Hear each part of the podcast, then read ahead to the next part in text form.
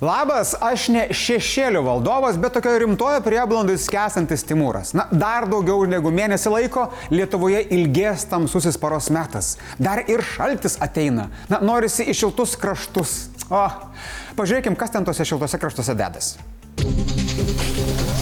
Prie viduržėmio jūros būna šilta. Tai va ten palikusios karinę šarvuotą techniką vos už kelių šimtų metrų Izraelio pajėgos šturmavo didžiausią gazoje Al-Šifos ligoninę. Jų teigimu, čia įkurta Hamas vadavietė. Per mūšį nukauti mažiausiai penki ginkluoti teroristai. Izraeliečiai per kelias valandas trukusią operaciją rado ginklų bei tunelių. JAV žvalgyba patvirtino, kad informacija dėl vadavietės buvo teisinga. Kol kas nėra duomenų, kad čia buvo laikomi įkaitai. Smogikų irgi neaptikta. Civiliams, kuriuos Hamas naudojo kaip gyvosius skydus, žalos nepadaryta. Izraelio pajėgos pasidalijo operacijos nuotraukomis. Hamas valdoma ministerija irgi pateikė nuotraukas, pareikšdama, kad juose matoma ligoniniai padaryta žala. O prieš tai teroristai Izraelio reidą pavadino karo nusikaltimu, moraliniu nusikaltimu ir nusikaltimu žmogiškumui. Čia primenu, teroristai išneka. Tik Izraelio kariai į ligonę pristatė ir medicinos reikmenų, kūdikio maisto ir inkubatorių. Bet vis tiek Palestinos prezidentas Mahmudas Abbasas pareiškė, kad Izraelio karas su Hamas yra nukreiptas prieš palestiniečių egzistenciją. Tęsiasi ir kitos antžeminės operacijos. Gazos ruožo horizonte buvo matyti didžiuliai dūmų stulpai. Izraelio gynybos pajėgos teigia, kad 162 divizija baigė Al-Shati stovyklos užėmimą ir netrukus susijungs su 36 divizija. Tuo tarpu Nahal pėstininkų brigados ir 261 brigados kariai suringė reidą į Hamas mokymo bazę ir aptiko tunelio šachtą bei dešimtis ginklų.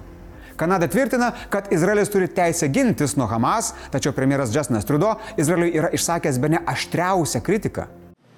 Even wars have rules. The killing of women and children, of babies. This has to stop. Izraelio premjeras pasipiktino. Jis paragino remti savo šalies karius ir jų pastangas medžiojant teroristus. Per Rafos pasienio perėją į gazos ruožą įvažiavo pirmasis sunkvežimis su degalais. Degalai bus pristatyti jungtinės tautoms, siekiant palengvinti pagalbos teikimą. Turkija dar išsiuntė greitosios pagalbos automobilių ir reikalingų priemonių. O JAV prezidentas Bidenas dar ir užsiminė, kad artimiausių metų bus pasiektas susitarimas tarp Izraelio ir Hamas dėl įkaitų paleidimo. Tai aš tik priminsiu, kad Bidenui yra 80 metų. Tai jam artimiausias laikas Nu, neaišku, kas čia yra.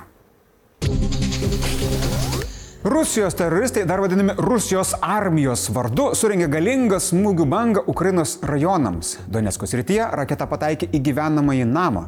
Žuvo moteris, keli sužeisti. Iš viso per ataką žala padaryta 20 privačių namų, šešiems daugiabučiams, automobiliui ir ūkiniui pastatui. Okupantai vykdo kelias puolamasias operacijas rytų Ukrainoje, taip bandydami susigražinti iniciatyvą. Nuožmus mūšiai vyksta Bakhmuto, Marinkos kryptimis ir Avdyvkoje.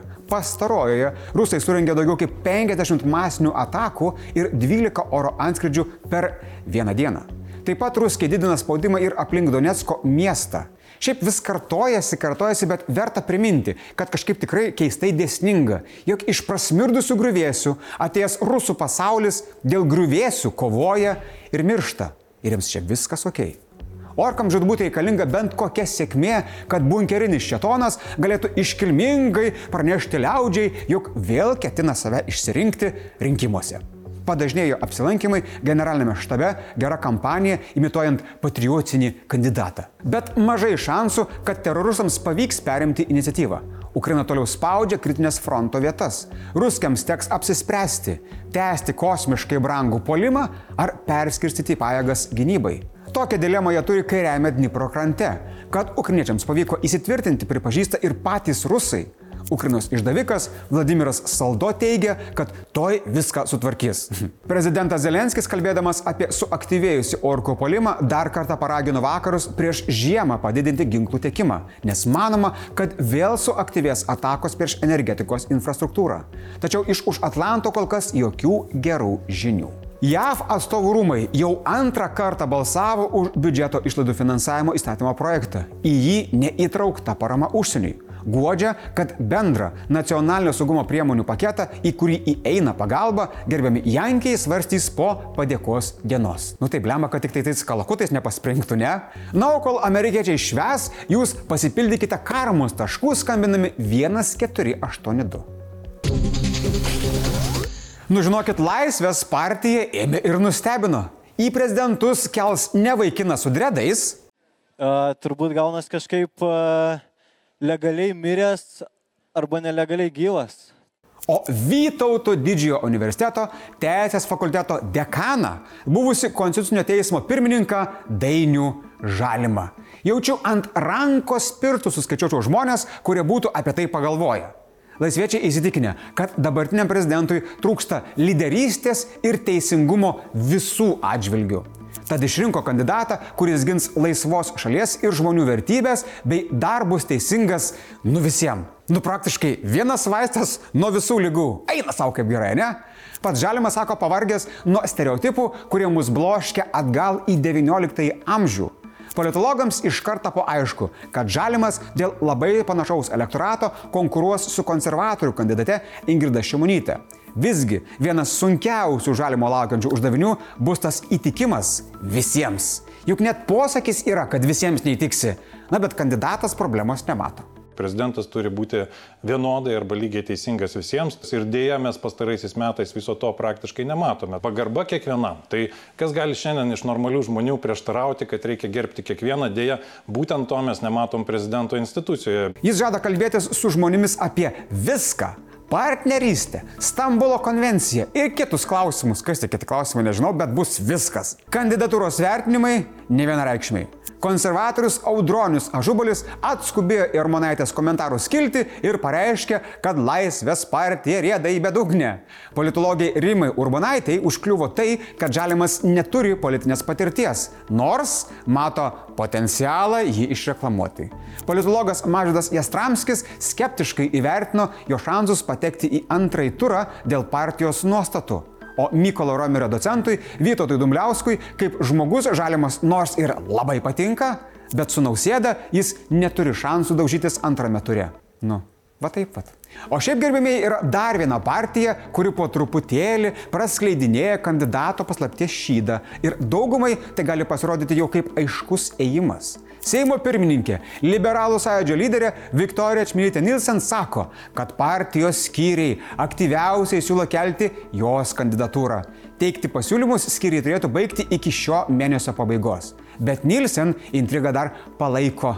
Ir ar kandidatos rinkimuose žada paskelbti vėliau. Tačiau, ko čia laukti? Nu, vat, matimam ir išsiaiškinam komentaruose. Jums, gerbėmieji, Nilsen ar Žalimas labiau patinka? Nu, va, tą stygelę suvirpina, parašykit. Ai beje, lapkričio 30 dieną kandidatas Žalimas lankysis pas Andrių Tapiną laidoje Laikykitės ten. Tad labai kviečiu pirkti bilietus, ateiti į renginį, nes bus gerai, bus įdomu. Blitz naujienos. Vyriausiai tarnybinės etikos komisija pranešė, nusprendusi pradėti tyrimą dėl prezidento Nausėdos ir ambasadoriaus Junktinėje karalystėje Eikvido Bajarūno apsilankimo Londono operoje aplinkybių. Prezidentūra sprendimo nekomentuoja. Primenu, kad pavasarį nausėdai lankantis Londone, Bairūnas, va taip Ambairio, pakvietė jį su Diana į operos fantomą, o bilietus nupirko už ambasados pinigus. Vėliau nesusipratimą ištaisė ir sumokėjo iš savo pošnios pižono kišenės. Seimo teisininkai sako, kad panaikinus parlamentaro Petro Gražulio mandatą, jis galėtų kandidatuoti nelaukdamas dešimties metų termino kaip priesaikos sulaužimo atveju. Aukščiausiasis teismas galutiniu sprendimu gražulį paliko galioti apkaltinamai nuosprendį už piknaudžiavimą. JAV prezidentas Joe Bidenas ir Kinijos vadovas Xi Jinpingas susitiks San Franciske. Tai pirmasis jų susitikimas akis į akį po metų pertraukos. Didėjant įtampai dėl tokių klausimų kaip Taivanas, Filipinai, sankcijos ir priekyba bus surinktos bent trijų valandų dėrybos. Iš neetiškus klausimus nukentėjusiam policininkų teisme uždavinėjusio kaltinamojo riaušių prie Seimo byloje kandidato į prezidentus celofano teismo nurodymu per posėdį atimtas mikrofonas. Nu pagaliau. Celofanas jo pasiteiravo, ar masažas bus su laiminga pabaiga. Dabar jis galės klausimus užduoti tik per teismo pirmininkę. Ir panašu, kad kažkam laiminga pabaiga tikrai nekvepia. Draugai ir draugės primenu, kad šios dienos laidos komentaruose laukiame jūsų pasvarstymų ir komentarų, ar Dainiui Žalimui atiduodat širdelę, ar Viktorijai Čmilytė Nilsen. Nu jų šansai prezidento rinkimuose. Įvertinam, rašom, išsiplečiam, labai labai patiks paskaityti. Beje, nors baisiausia metų naktis jau praėjo, primenu, kad išsigasti galima už kiekvieno kampo.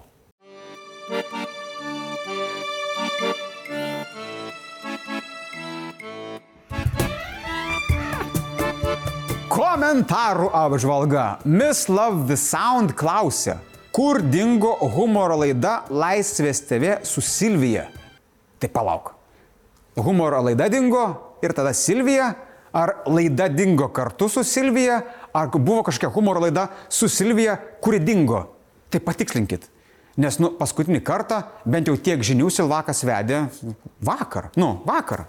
O Very Useful ZP8EI Įdomu, ar Silvija gerai bučiuojasi. o kaip Jūs galvojat, kodėl Silvija kai kurias raidelės įdomiau taria? Hmm? Šiandien tik žinių. Iki.